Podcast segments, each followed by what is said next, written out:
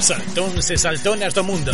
Estades a escoitar Estades a escoitar Salta da cama Con Pablo García.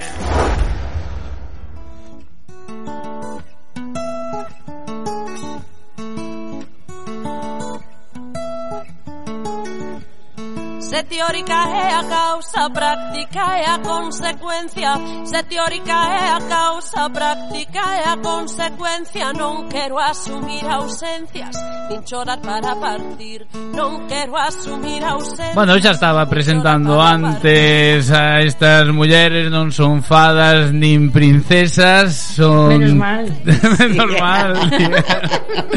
Son tres cracks que temos aquí.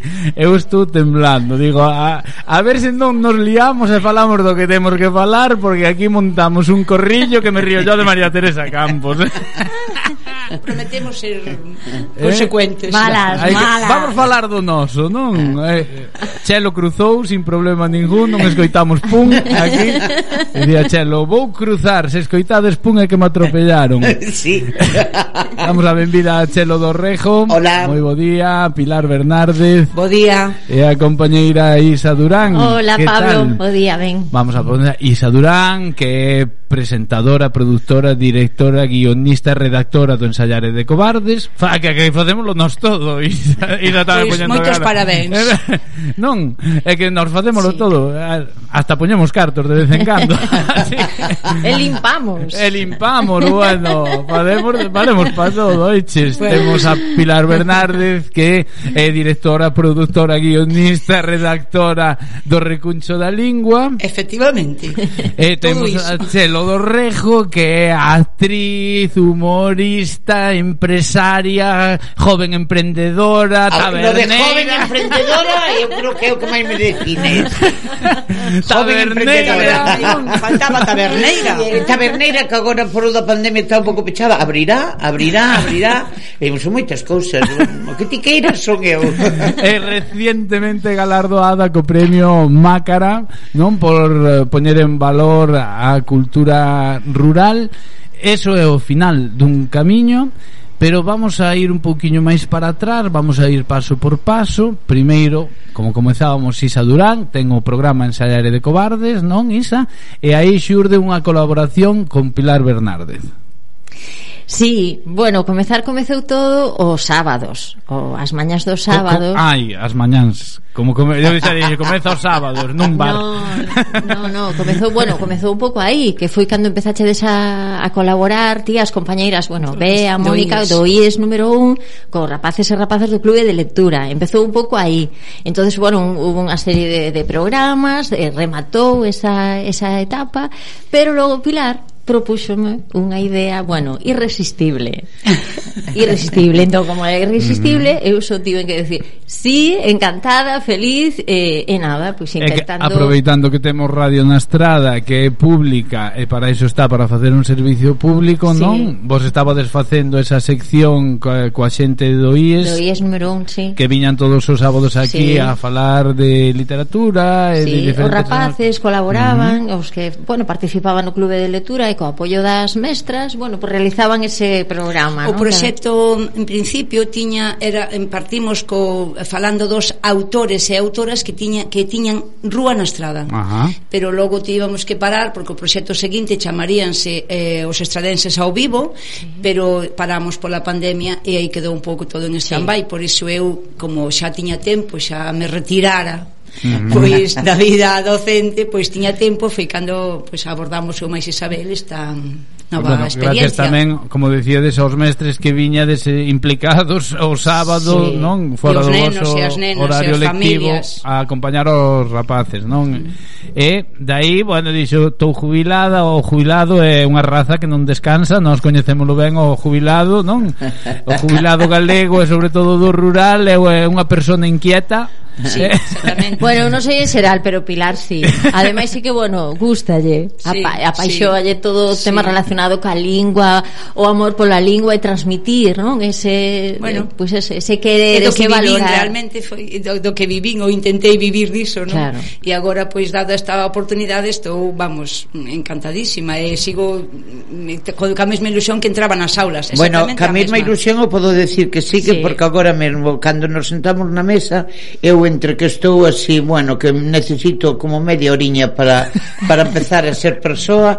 E, eh, e a, Isa coa súa sorrisa aí todo meter Pablo dando caña por outro lado e Pilar e la sola bailando ca música. E, e eu miraba para ele e dicía, ai por Dios, que esforzo o sea, ilusión toda, toda. Con esa ilusión dixete, oye Isa, por que non me faz non ensayare de cobardes os luns un recuncho para a lingua e Isa aí se prestou, non? Abreuche as portas totalmente, de novo totalmente. de, desta casa, desta radio municipal e todos os luns pola tarde tendes ese recuncho da lingua no que nos ofrecedes pois de todo un pouco, música, ditos, historia, cultura popular, sí, a non? lingua, a, a través lingua da lingua. é todo, claro, entón a lingua eh, eh, a lingua é to, para transmitir transmitimos coa lingua, a lingua uh -huh. está na música, está na literatura, está nos ditos, está nos feitos, nos traballos traballos, na maneira de ser, na eh, en todo decía Carballude que tamén está nos rezos, é dicir que a lingua efectivamente. efectivamente. Entón, bueno, nos a verdad que mm, fomos dando un pouquiño de evolucionamos, fomos evolucionando, partimos con un obxectivo ou, ou dous obxectivos, e fomos variando, pero chegamos ata aquí, ata o día que agora vou dar o protagonista que lle corresponde,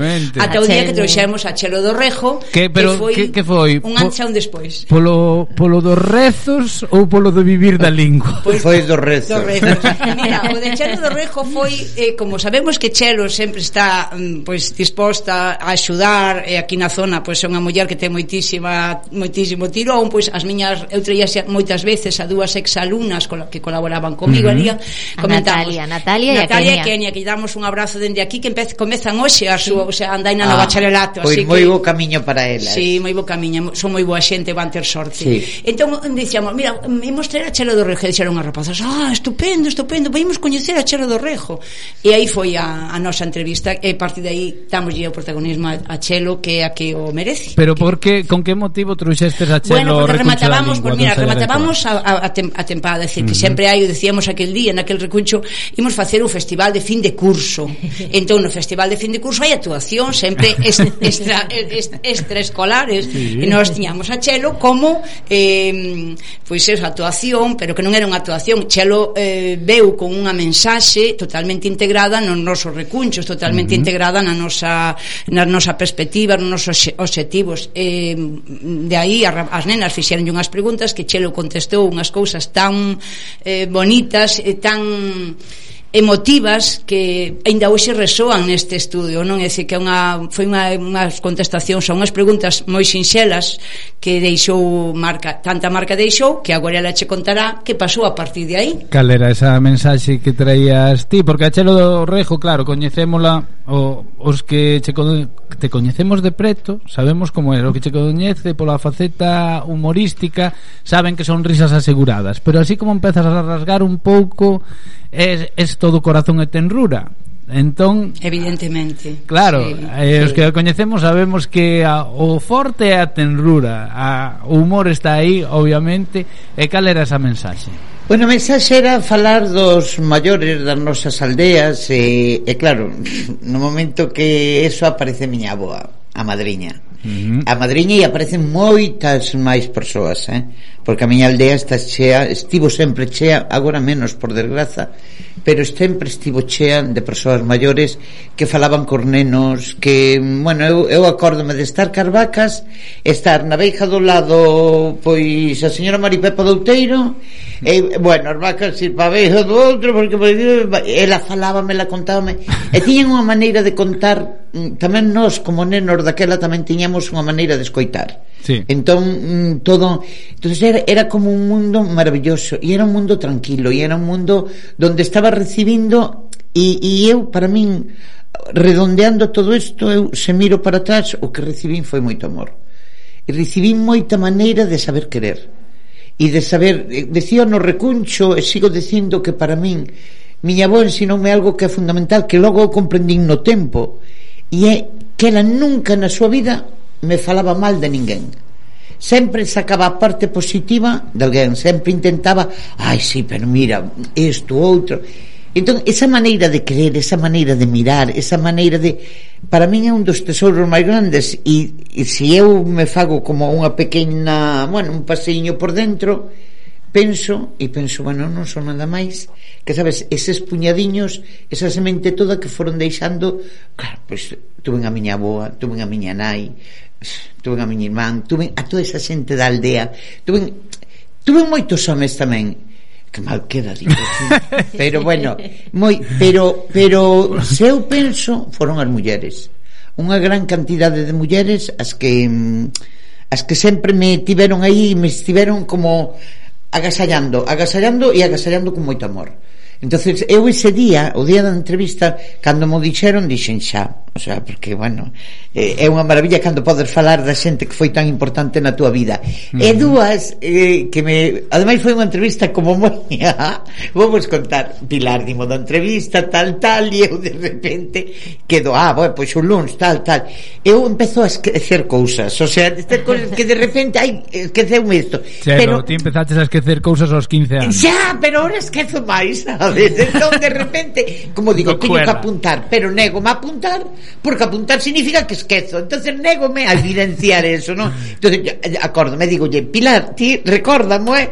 Pilar, recordoumo aquel día por a mañán o luns eu levanteime con ánimo de traballar ta, ta, e pasábame por a cabeza hoxe non teria algo que facer e ta, ta, e dei voltas ao que teria que facer ata que pensei ah, levar a tarxeta á farmacia que tiña que eh, un medicamento que non sei que e quedeime con eso, quedeime tranquila. Pásome toda a mañán facendo cousas comín tarde, estaba sola comín tarde, había sobras do domingo tampouco tiña de comer e cando estaba comendo sona un whatsapp, sorte que tiña o teléfono cerca pero senón son un pouco vaga entonces collo o teléfono e, e, eh, e eh, Pilar dicíndome que están aquí na radio. Mira, Ay, abrir, non sabes como, como os dibuxos animados cando se lle abren os ollos e se lle ponen os pelos de punta. Todos así, mira, de repente, e digo, non pode ser, é un camiso. A toda pastilla chejo aquí non había donde aparcar, volvíame loqueo para aquí, me, me tigo coche todos para baixo, meu para arriba, bueno, e chego, e miro para baixo, e vexo que ainda viña con, con zapatillas postas, e eu, pois agora falo ya cara para que non me miren os pés pois, e así cheguei Es suerte que chegaches Cheguei porque... Foi cheguei... un pouco complicado Estábamos sí. así un pouco nerviosos Non pasaba nada, pero sí. É que tamén foi un pouco fallo de non seguir insistindo na... sí. No, bueno, no, fallo non apuntar Pero bueno eh, Pero foi o destino porque chegaches a esa entrevista Esa entrevista estaba escoitando unha persoa que está sí. na organización do son de, do sí, rural de sí. Palas de Reis Sí, Afonso E Afonso que é unha persona que de principio coñecía a Pilar Eu non a coñecía uh -huh. de nada na miña vida Ni na vida físicamente. Logo se temos que tempo conto vos a anécdota de, da, de Afonso. Pero non, non o coñecía de nada. E Afonso de repente un día Eu, eu a verdade eu quedei cando escoitei a entrevista que a xente pode escoitar no podcast do Ensaiare sí, de Cobardes. Sí, o día 22, creo que de... Eu vinde escoitei estes días. É o último. Sí, o último, o 22, último... creo que é o 22 de, de, de xuño. Sí. Uh -huh. sí, eu creo que, mm, que iso que se dou aquelas dúas rapazas, Isa de frente, que para min sempre un patrimonio sentimental. O borrollo, o borrollo sí. personificado. Eh, Pilar, e todo, e, e o meu apuro, e todo iso levou a facer unha entrevista que en ningún momento Eh, houve ningún tipo de censura nin vou dicir isto nin pensar simplemente falou o corazón e uh -huh. falei e cando, cando eu escoitei tamén quedei moi dixen madriña madriña vai por ti vai sí, por ti sí. e madriña foi por madriña pero cando soa ese teléfono pasados un, man, non sei, mes e medio sí. menos non sei e de repente Afonso empezame a falar Afonso é unha persoa con unha voz tranquila sosegada E eu dicindo, eu por a miña cabeza pasándome cousa, isto debe ser unha broma. no, pero ten unha voz moi seria. eh, e, sabes isto que, que, que, que e el dicindome, "No, porque falei con Entón claro, xa me iba dando datos como demasiado, non? Eh, que Pilar tal, tal, a entrevista tal. E eu dicía, eu así, o corazón bum bum bum bum, bum ata que mira, é que eu Eh, eu, eh, ti non sei se estás contenta Dite, mire que eu estou tan, tan así Tan contenta, eu non sei Eu detrás da cociña sentada. Suerte que estaba detrás da cociña Porque non podía, porque era unha sensación de decir Pero isto estamos mo dicindo a min. E si, dixeron a min, sabedes Dixeron a min. E foron dous dos días máis maravillosos da miña vida. Porque eu defendo a miña aldea con dentes e con, con, con eso. Pero estar en Santiago de Albá e darte de conta do privilexiados que somos da xente tan maravillosa que hai que coida, que vive, que, que defende hai que ir a Santiago de Albá para, mm, para realmente sentirte aldea. Pero sentirte de verdad, os que xa nos sentimos, eh? Sentirte de verdad foi foron dous días que eu mm, recordarei toda a miña vida como dous, dous, dous días máis especiales. Antes de entrar neses dous días, como en que consiste o premio? o premio a min Alfonso, de feito, chamoume e díxeme Pilar, mira, eu quería contactar con Chelo, pero quero que yo vayas que lle comentes ti, por se acaso non o acepta, que temos preparado un premio. Eu dixen, home, non lle vou dicir, eu só lle vou dicir, uh -huh. só lle vou dicir que lle vou pasar o teu teléfono por, por cortesía, pero supoño que non. E eles todos os anos, eh, este festival, festival, xornadas, incluso hai alguén que lle chama Feira, veremos o próximo lunes que nos conta Afonso, pois eh, que se chama Sonda Aldea, eh, dan uns premios, dan un premio a un escritor e daña un premio a unha actriz ou actor que, que, tra, que leve a lingua e que leve o, o patrimonio mm, cultural galego e sobre todo neste caso se é rural pois moito mellor non? Igual que o, co escritor que, que premiaron este ano un home que se ambienta para escribir nesa zona precisamente toda a zona do de Monterroso e colle sempre esas, eses espazos pois o caso de Chelo foi eh, bueno, ele díxome eu escoitei esa entrevista e dixen teño que investigar esta muller ten que que ter moito detrás, porque o que dixo aí non é tan, non é tan simple. Entón, dime, uh -huh. eu teño que recoñecer que non a coñecía, só de oídas, porque el traballa, traballou, cora foise no, no Losada Dieguez, e, e dixe, oi, a Chelo do Rejo, e a veces os rapaces falabanme de Chelo do Rejo, porque el dirixía o grupo de teatro, do, a aula de teatro de, do Losada. Pero non tiña nin idea, entón dixo, eh, teño que recoñecer que a partir de aí foi o porque eu investiguei e chegamos á conclusión de que yo queremos dar a Chelo por esa paixón que puxo mmm, pola xente xente eh, pola mm, que referenciada na súa madriña en, en, en María do Rejo, pero o que dichelo nesa xente es, é o que dichelo agora, xa me xa remato, xa ves que non é posible calar. eh, um, dixo chelo, é que tamén tiven moitos homes. Na aldea as mulleres eran as que convivían sí. na casa e as sí. que tiñan non tiñan tempo, pero aproveitaban, o decir, se ian sachar e tiñan das cas vacas, elas contabanche cousas. Sí. Se ian a se, eu hai veces que iba cas vacas buscaba onde había, imagínate, a señora María De Neira, pois onde estaba ela, eu iba a Carvacas palí, sí. porque sabía que iba, ia recibir, non? Entón as mulleres eh, foron as que nos contaron, as que nos... Eu tuve pouco a oportunidade de convivir con mulleres por desgraza, pero as mulleres na aldea foron as que levaron ese legado sempre, eh, e, e todas as medicinas que se facían, os remedios, os ditos, os tal, eran elas as que gardaron ese patrimonio pola súa condición de, de ter que levar todo no seu lombo, non?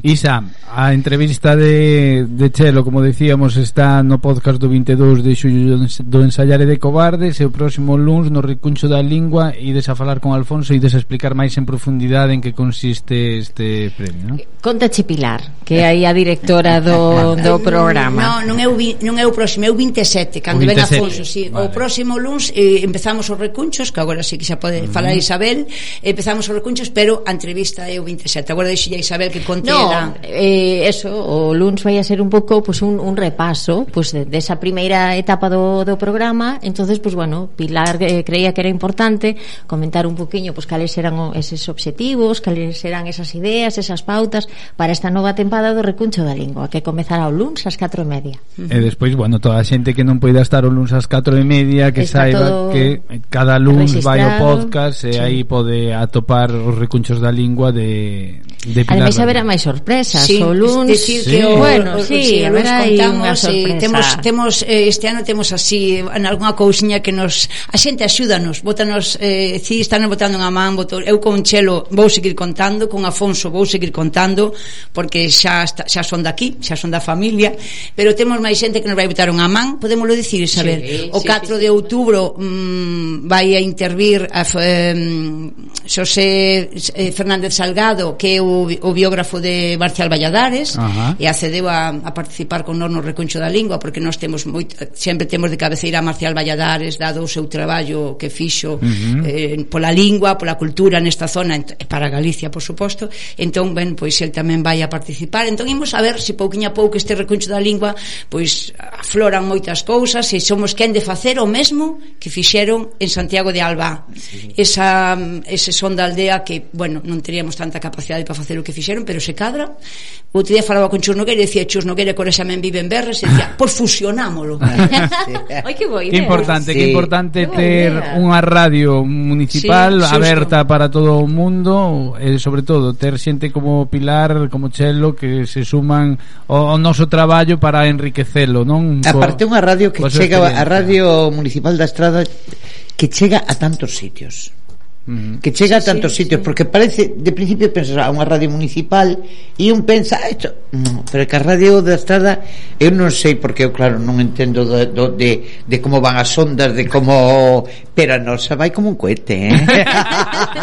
a nosa vai como un cohete porque a veces estás en calquera sitio estás sintonizando e de, bueno, pues contas que che vai a aparecer Radio Nacional a ser, ta, ta, e aparece Radio Estrada e te dices, ostras Este cohete levou a ti a Palas de Reis Sí. Contanos en dous minutiños como foron eses dous días Porque quedaches a dormir ali Sí. E tu, tuviste unha noche Sí, loca Bueno, loca, mira, tuve unha noite, tuve unha noite con Begoña Sánchez loquísima, que a miña mellor amiga loquísima. Pero mira, foi maravilloso, bueno, eh, em, eh, eh, eh, é que dous minutos no momento que me di dous minutos eu fago clín, non dou. Bueno, eh, foron dous días maravillosos. Pero porque o primeiro día eu, eu comentaba, o primeiro día moi, había unha mesa, había dous ponentes moi un o premio anterior que fora Manuel Vieites e, e unha chica que era mm, e me ten que perdonar que non recordo agora mesmo o nome dela, pero maravillosa, eh, que falaba da tecnoloxía no rural e foi realmente como moi nada que ver co que pensamos eh, eh, nese título, non? E gustoume moito, pero o que máis me gustou de todo é que había unha árbore tan grande, tan grande, tan grande, encima de nós, pero tan grande estaba, non sabes, como cando empeza a tirbar o outono, que caen as follas e fan música, non é? que e facían plin, e caían así como moi despaciño nos ombros na xente, no pelo, e a xente iba vendo que se iba dando conta de que algo moi moi sutil caía e facía pin, e miraba e se cada na primeira non miraban para arriba non se daban conta que era a árbore que estaba xogando con ela non? Esa, xa, esa pequeniña cousa xa foi como Dios mío esta paisaxe ven a xogar con nós eso xa así a ponencia foi maravillosa a noite Mira que na miña aldea, na parte atrás, non hai contaminación lumínica e eu teño uns ceos moi bonitos. Nada que ver, mira. Eu vin unha vía láctea, mira, era tan inmensa, tan bonita que lle vías os, as cores rosas que ver nas fotografías, uh -huh. víalas no ceo. Nos poñámonos así e dicía, mirabas para arriba e daba a sensación de que empezaba a baixar, a baixar, a baixar e que se aplanaba, que se viña aplanando E non podemos ir pa cama. É que non podemos ir pa cama Temos que quedar aquí, bueno, disfrutando. Eso xa foi maravilloso. Despertar por a mañán foi increíble porque eh, eh, desayunamos na casa de enfrente. Estaba Luís, bueno, Luís é eh, con Afonso unha das persoas máis increíbles eh, que se eu penso neste ano como que coñecín puñería os Luis era, Luis é sí, maravilloso. É unha cousa, sí. É maravilloso. Unha entón, paixón. Entón, sí, unha, unha mirada, xa sí. ten unha mirada na que te deitas. Un minuto di el Pablo que me diu discretamente, yo me muero de, de apuro. Bueno, o que vos iba a contar que isto foi maravilloso que de repente el decíame, proba, todo era feito por eles, non pan, yogur, todo tal. E dixome, proba a manteiga. Fíxome unha torrada e provei a manteiga E vos non sei se podedes imaginar así cando vos dan unha noticia ou algo que vos impacta moito que parece que o estómago fai. Bra! Pois así me quedei. Pero quedeime tan así que me decía Begoña, que che pasa? E eu miraba por lados e decía que está aquí madriña. Ah. Mira, de madriña levárame a Santiago de Albán E a manteiga, eu teño probado outras manteigas feitas na casa e, bueno, sí, estaban boas, pero non era o sabor de madriña. E eu cando comín esa manteiga era exactamente igual a contaba no pan de, de madriña. Foi tan increíble eh, ese, esa, que eu nunca tivera ese rollo de eh, un sabor que te leva á memoria. Pero é que non é que me levou á memoria, sabes? É que de repente fixome, vin e sacoume da, da do presente para levarme a un pasado maravilloso, ao pasado da miña nenez. E foi increíble. Entonces eu así que, que en pequeniño decía de grazas, madriña. Grazas porque ti trouxeches aquí e ti estás aquí. E ese día deime conta tamén que as ausencias deixan fíos. Sí. E sempre deixan momentos nos que están moi cerquiña de nós Moi cerquiña de nós E a un Santiago de Alba a primeira hora da mañán do segundo maravilloso día Sentín que miña madriña estaba ao lado E iso foi maravilloso. Que vos dicía ao principio? Todo o corazón que estamos aquí os tres co, co lagrimón no, no non é o lagrimón, todo o contrario no, é maravilloso, no. é maravilloso, pero tamén se pode chorar de alegría. Sí, é eh, maravilloso eh, e, algo, e despois na de cebando un pouco a entrevista de que teremos o 27 moitas máis cousas que sucederon sí, sí, porque moitas. foi increíble foi unha viaxe emocional brutal brutal maravillosas brutal. sodes desbolas tres o traballo que facedes eh, por separado Isa no digo que ese día o 27 está Alfonso está Chelo está Chelo tamén mm -hmm. claro están sí, os dous sí, sí. Bueno, eu quero eh, non, eh, para que non remate isto sin decir que sin esta um, radio, decir, sin vos, sin esta vitalidade que tendes todos, que eu sempre digo que, que, que bueno, que temos a mellor xente do mundo aquí porque sodes todos desde pola mañá que nos levanta aquel dándonos amor insulta pero veña por riba saltónos insultanos eh? ata, ata que logo pola tarde venís a decir esta radio chegase a ter esta trascendencia tan emocional porque non é, non é dun valor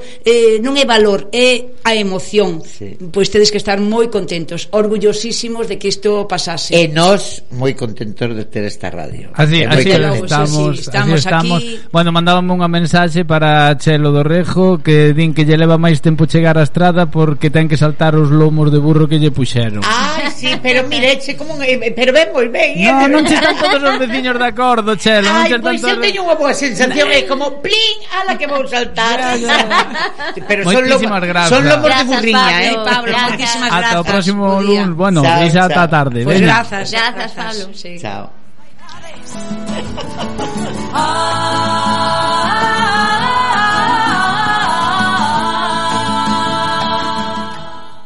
Salta da cama no 107.7 da frecuencia modulada e na páxina web radioestrada.com.